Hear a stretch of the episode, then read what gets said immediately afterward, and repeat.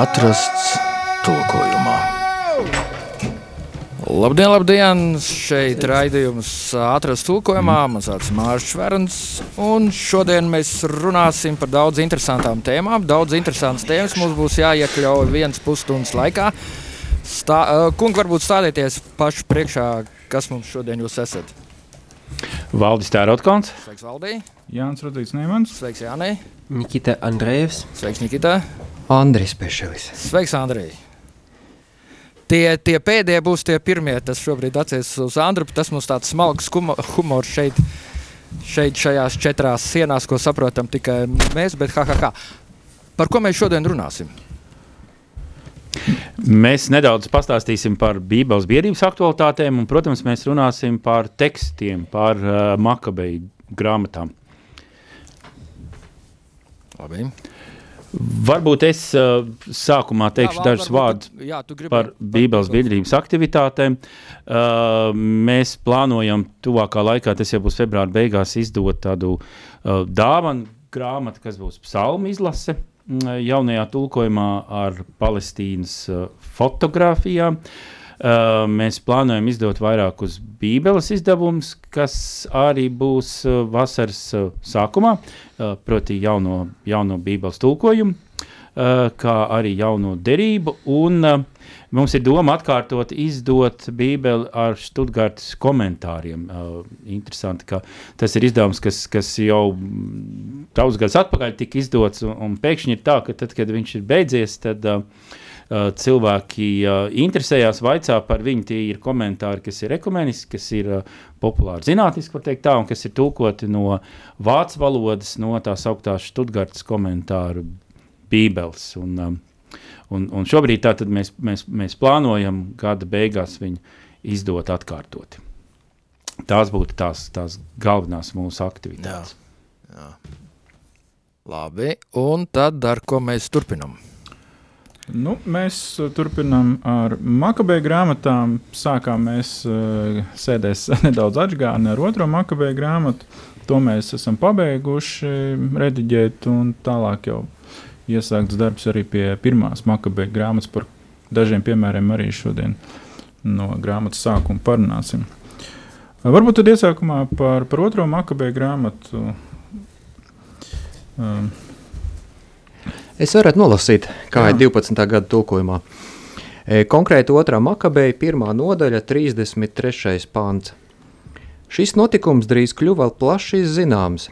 Arī Persijas ķēniņam tika pavēstīts, ka tajā vietā, kur uguns bija noslēpta, aizsūtītie priesteri atraduši ūdeni, bet Nehemija un citi, kas bija līdz ar viņu, upurēšanas laikā ar to bija aizdedzinājuši dedzināmo upuri. Nehemijas līdzbiedri ar šo ūdeni nosauc, šo ūdeni nosauc par nefthar, kas tulkomā nozīmē šķīstīšana. Daudzi to sauc nefthai. Jā, un komisijas uh, pieņemtais variants šiem diviem pantiem ir sekojošs. Tad, tad uh, šis notikums kļuva plaši zināms, un arī Persijas ķēniņam tika pavēstīts, ka tajā vietā, kur aizvestie priesteri bija noslēpuši uguni, atrada šķidrumu, ar ko Nehemijas ļaudis bija šķīstījuši upuri. Nehemijas ļaudis šo ūdeni nosauc par nefthāru, kas tulkojumā nozīmē šķīstīšanu, bet vairums to dēvē par nefthāju. Uh, nu šeit tāds interesants piemērs faktiski mums ir runa par uh, vidējiem austrumiem, kur ir plašas faktiski naftas atradnes. Un, te mums ir tāds gadījums, ka faktiski viņi ņēma šo šķidrumu, kas beig beigās izrādījās nafta.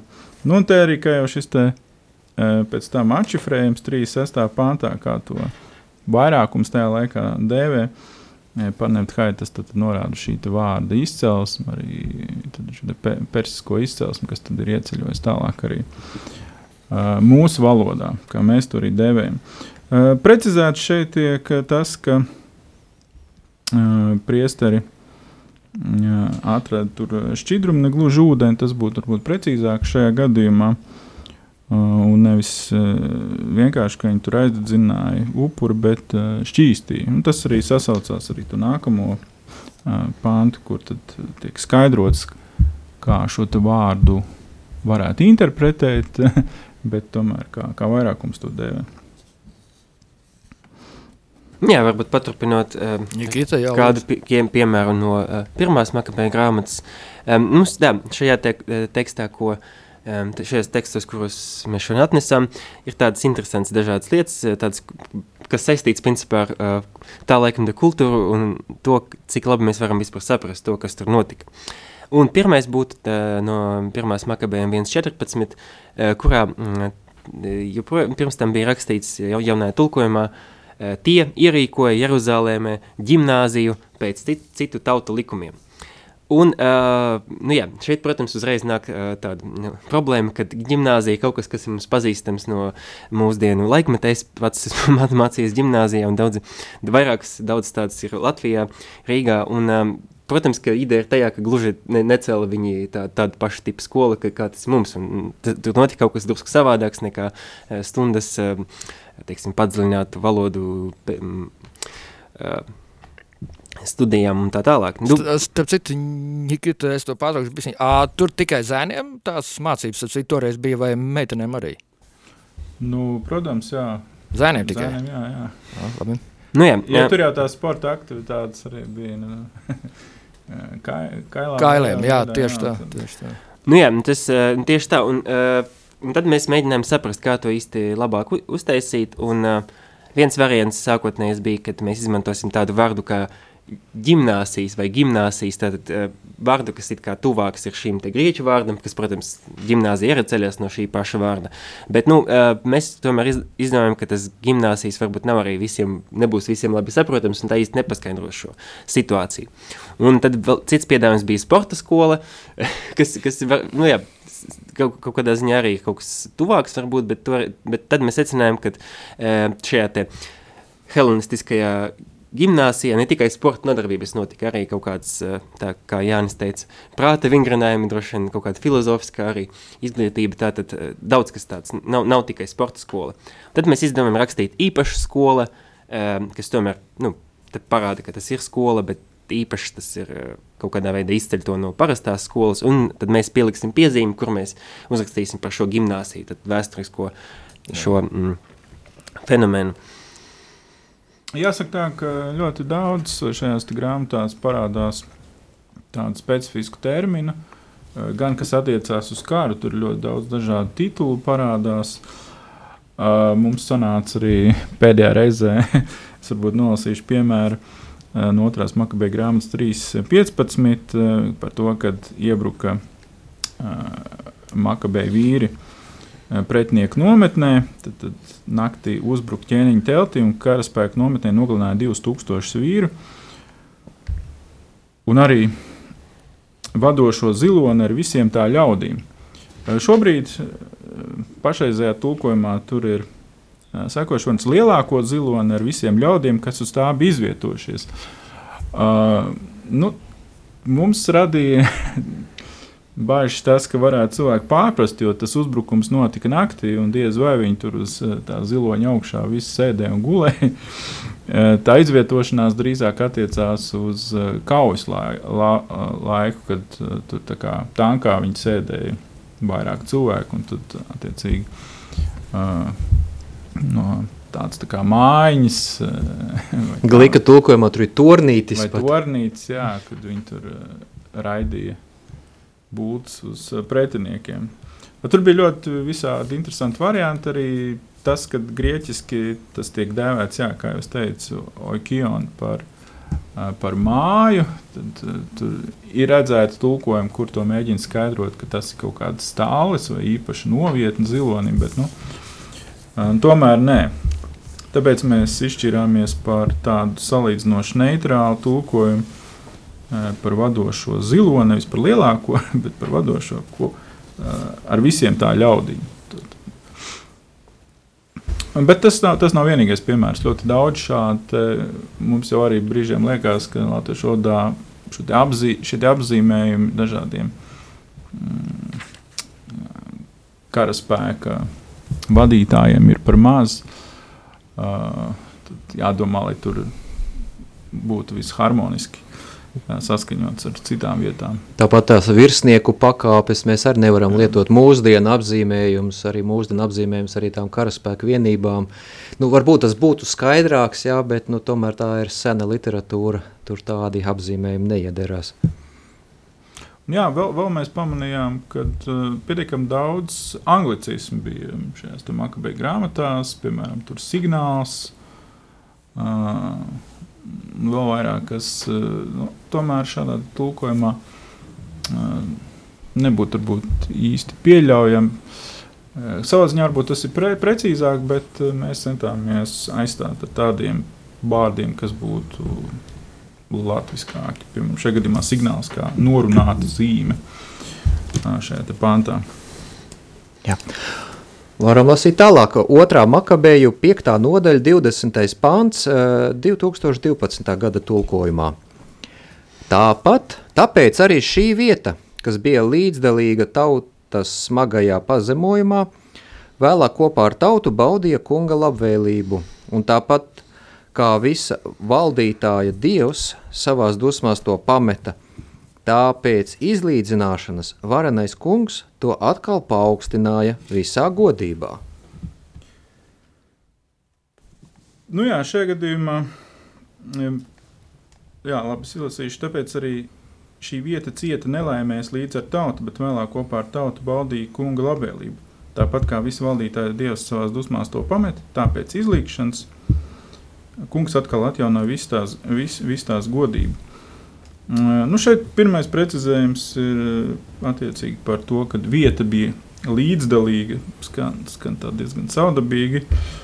Um, tika izvēlēts cieta nelaimēs līdz ar tautu.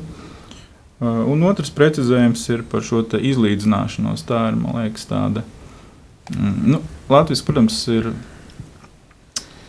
jās, jāsaprot, ka izlīdzināties tas ir uh, un izlīgt.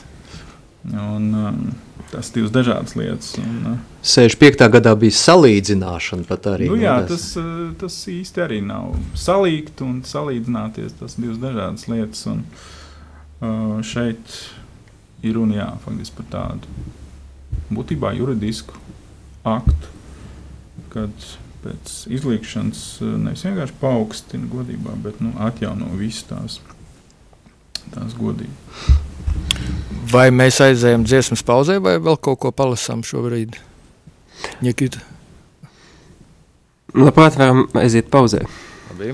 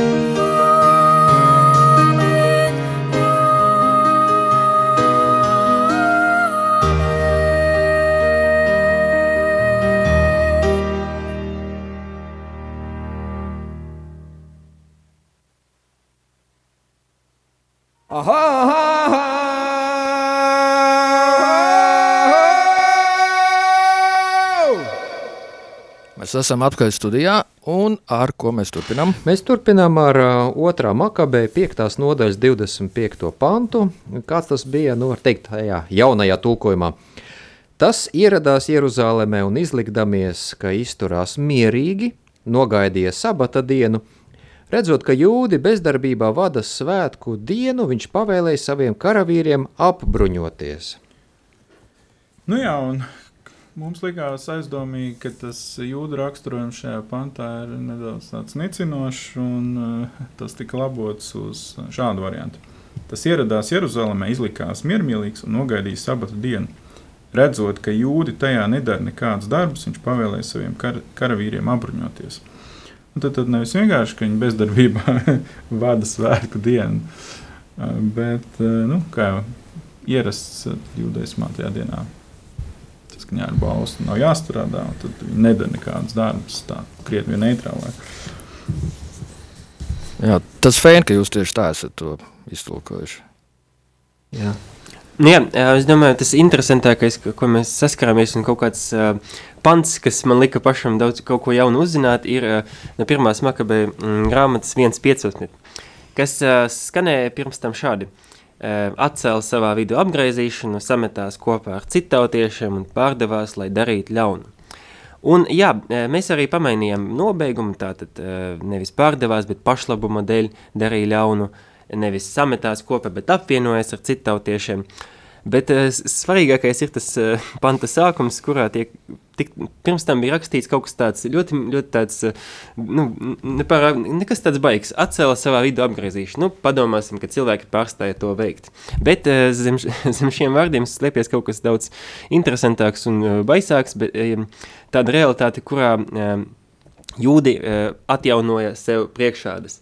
Tātad mēģinājumi. Tas tā arī notika, jā? Tūlīt mēs nonāksim pie tā. Es esmu ļoti nepacietīgs. Jā. Nu, jā, okay. nu, jā, un tātad, ko tas tad īsti nozīmē?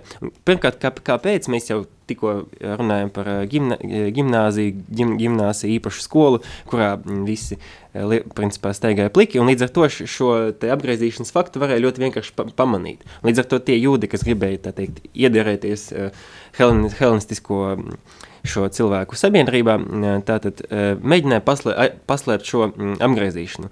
Un tas, ko es uzzināju, respektīvi, kā tas ir iespējams, ir pirmkārt ir jāsaprot, ka pirms otrā gadsimta mūsu ir aptuveni, šī apgriezīšana nenotika tāpat, kā tas notiek šodien.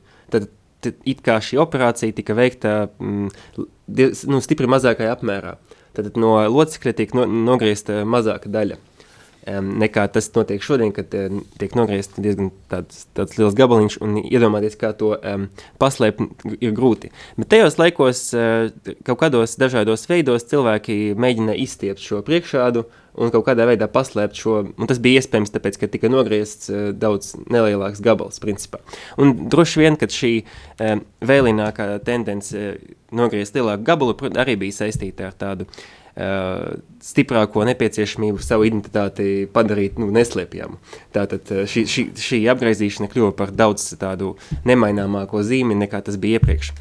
Iespējams arī tāpēc, ka uh, bija iespējams tādas te parādības, ka to var, varētu paslēpt un pazaudēt šo savu skaidri redzamu jūda, jūda identitāti. Nu, ja, ko tik nedarīs modes dēļ, toreiz bija modē helēnisms. Un... Nu, tie tādi švaugsti tā, tā laika. Es nedomāju, ka tas tikai modes dēļ, jo uh, arī sap, ir kā saprotams arī, ka tiem jūdiem, kas bija apgraizīti, tika uzlikts arī kaut kāds specifisks uh, nodoklis, kas līdz ar to mm, kaut kādā ziņā, protams, bija arī izdevīgi izskatīties kā visiem pārējiem un neciest tāpēc, ka tu esi um, jūds.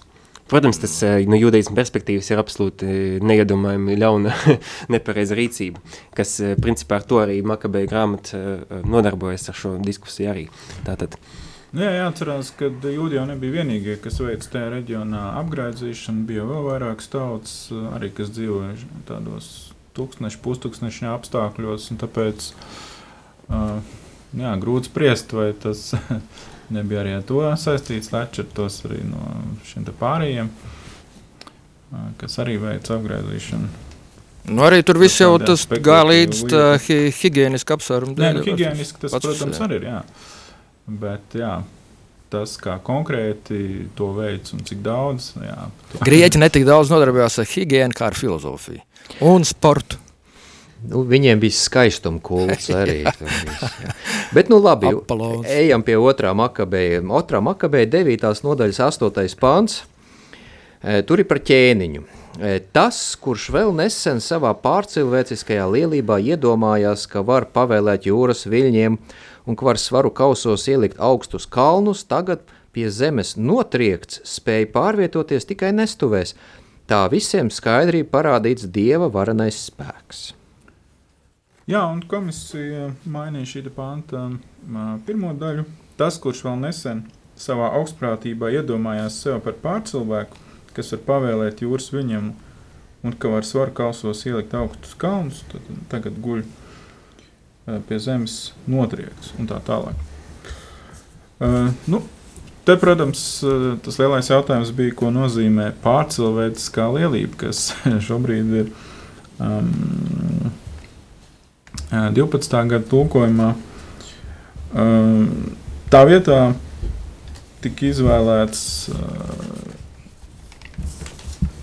manuprāt, skaidrāks variants par to, ka nevis šī lielība vai augstprātīga ir pārcilvēciska, bet kad augstprātībā viņš iedomājās sev par šādu Ubermensch vai nu, jā, nu, tur kaut kas no, no, kaut kas no Nīča bija nu, jā, 12. Nu, parasti gadu. jau jā, tādi valnieki, augststāvoši cilvēki, viņi iedomājās sevi par nu, pusdieviem vai jā, dieviem. Tieši, Tikai Nīča viņš nebija lasījis, toreiz vēl Nīča nebija piedzimis. Nē, es domāju, tie, kas tulkoja 12. gadu. Tā, nu, tā 12. gada redakcija, jā. Viņi labi, kā tālāk. Nu jā, un tāds kurjos, uh, drusku jocīgs uh, piemērs arī ir 136 no, no pirmās makabējiem, kurā uh, bija rakstīts tāds uh, teikums.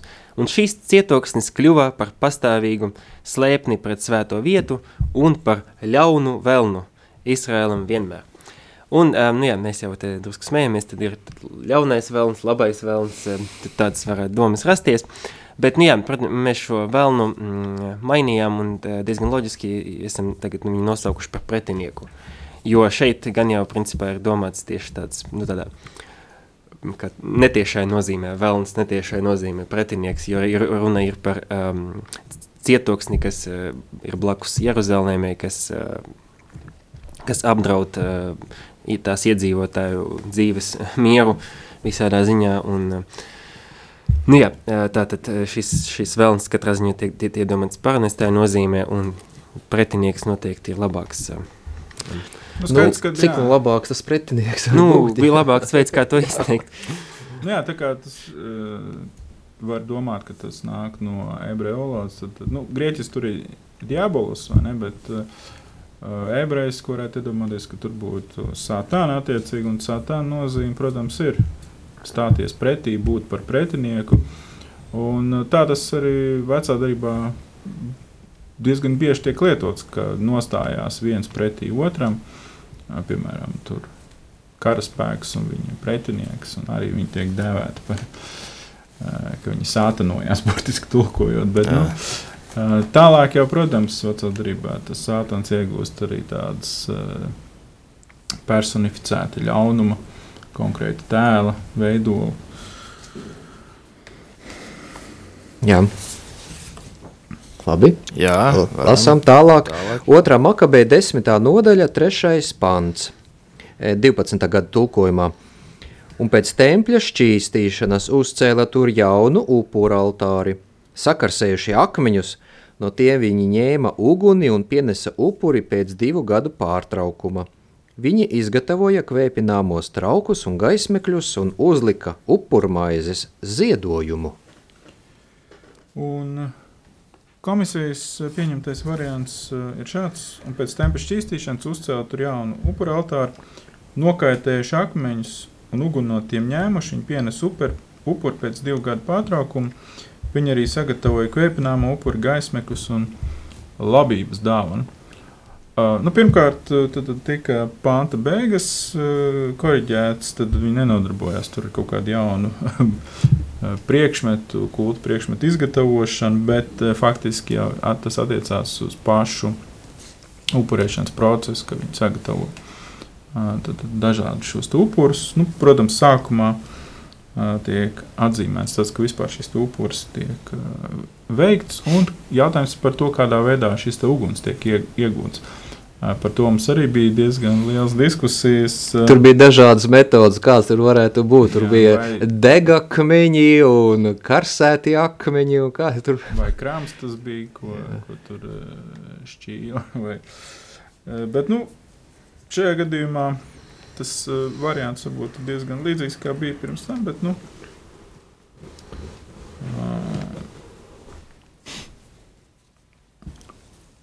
ka viņi sakarsē tos akmeņus, ja, un šādā veidā to, lai tas uguns nebūtu tāds vienkārši paņemts no vienkārši sadzīves kādas plīts, ja, bet lai viņš būtu tā, tā kā, nu, ar akmeni, sakarsēt akmenes starpniecību, tas altārs tiktu iededzināts no jauna. Jā, rekā visādi.